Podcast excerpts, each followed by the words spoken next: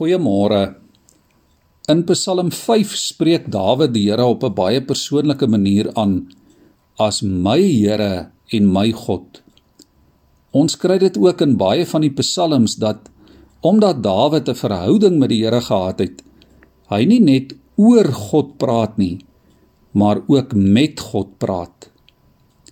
Ek lees vanmôre vir ons 'n paar verse uit Psalm 5 vir die musiekleier met fluitspel 'n psalm van Dawid.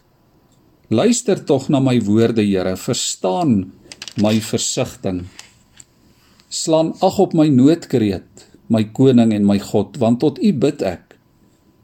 Here, in die oggend hoor U my stem. In die oggend lê ek my saak aan U voor en ek wag.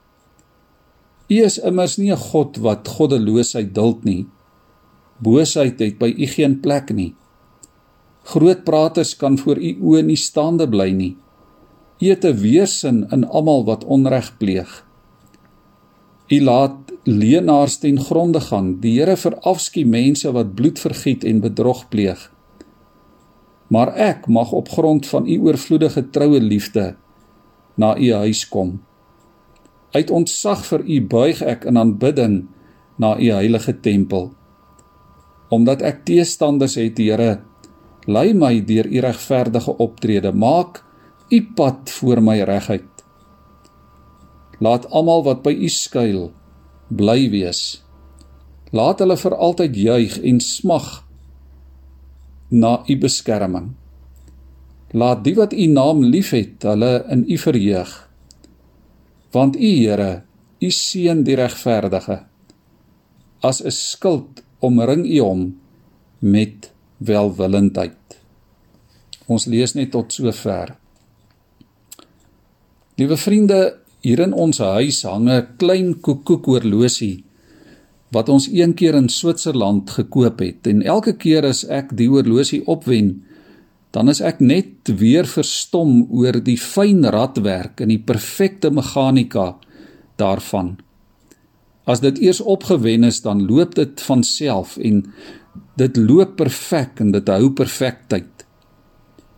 Iewers was daar 'n horlosiemaker wat die klein raaitjies aan mekaar gesit het en dit fyn ingestel het en dit toe uitgelos het. Soms dink ons dat dit ook is wat God doen. Dat God die wêreld en alles gemaak het en dat hy dit toegelos het om self verder te te funksioneer. Dinge moet hulle self uitwerk, dink ons baie keer. Ons dink soms dat God hom nie meer met die wêreld en met mense bemoei nie. Of dalk dink ons aan die ander kant soms dat God tog wel betrokke is, maar dan net so hier en daar, so nou en dan. So af en toe dink ons wen God die horlosie van die lewe op en dan los hy dit weer om self verder te loop teen 'n geprogrammeerde tempo waaraan ons self niks kan doen nie. Dawid ontdek in sy lewe dat dit nie is hoe God is nie. Hy ken mense persoonlik. Hy ken elke gelowige op die naam en hy maak homself aan ons bekend sodat ons hom kan aanspreek as my Here my koning en my God. Hy is nie 'n onpersoonlike horlosiemaker wat die radwerk van die tyd instel en dan van jou en van my vergeet nie. Hy is jou koning en hy is jou God. En Dawid ontdek dit en dat hy daarom kan bly wag op die Here en dat die Here sy enigste hoop is. Ons is nie vermore aan ons eie lot oorgelaat nie. Ons is nie oorgelaat aan die lot van omstandighede nie. Jou lewe en jou toekoms hang nie af van die planne en die strategieë van mense nie. Jy kan jou hulp en jou leiding by die Here soek. Jou heel belangrikste wapen is om tot God te bid.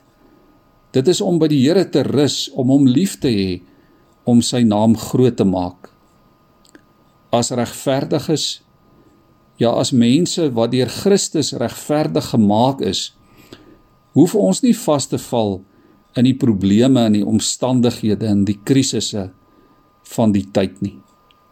Ons het 'n Here en ons het 'n koning, 'n regerder, 'n God wat die tyd in sy hande hou. En uiteindelik is hy tog die groot horlosiemaker wat ons deur sy inwonende Heilige Gees in ritme bring en in ritme hou met sy plan met ons lewe. Kom ons bid vanmôre saam. Here, dankie dat ons vanmôre weet en kan bely dat U ons koning en ons God is. Dat U 'n ewigheidsplan het met ons.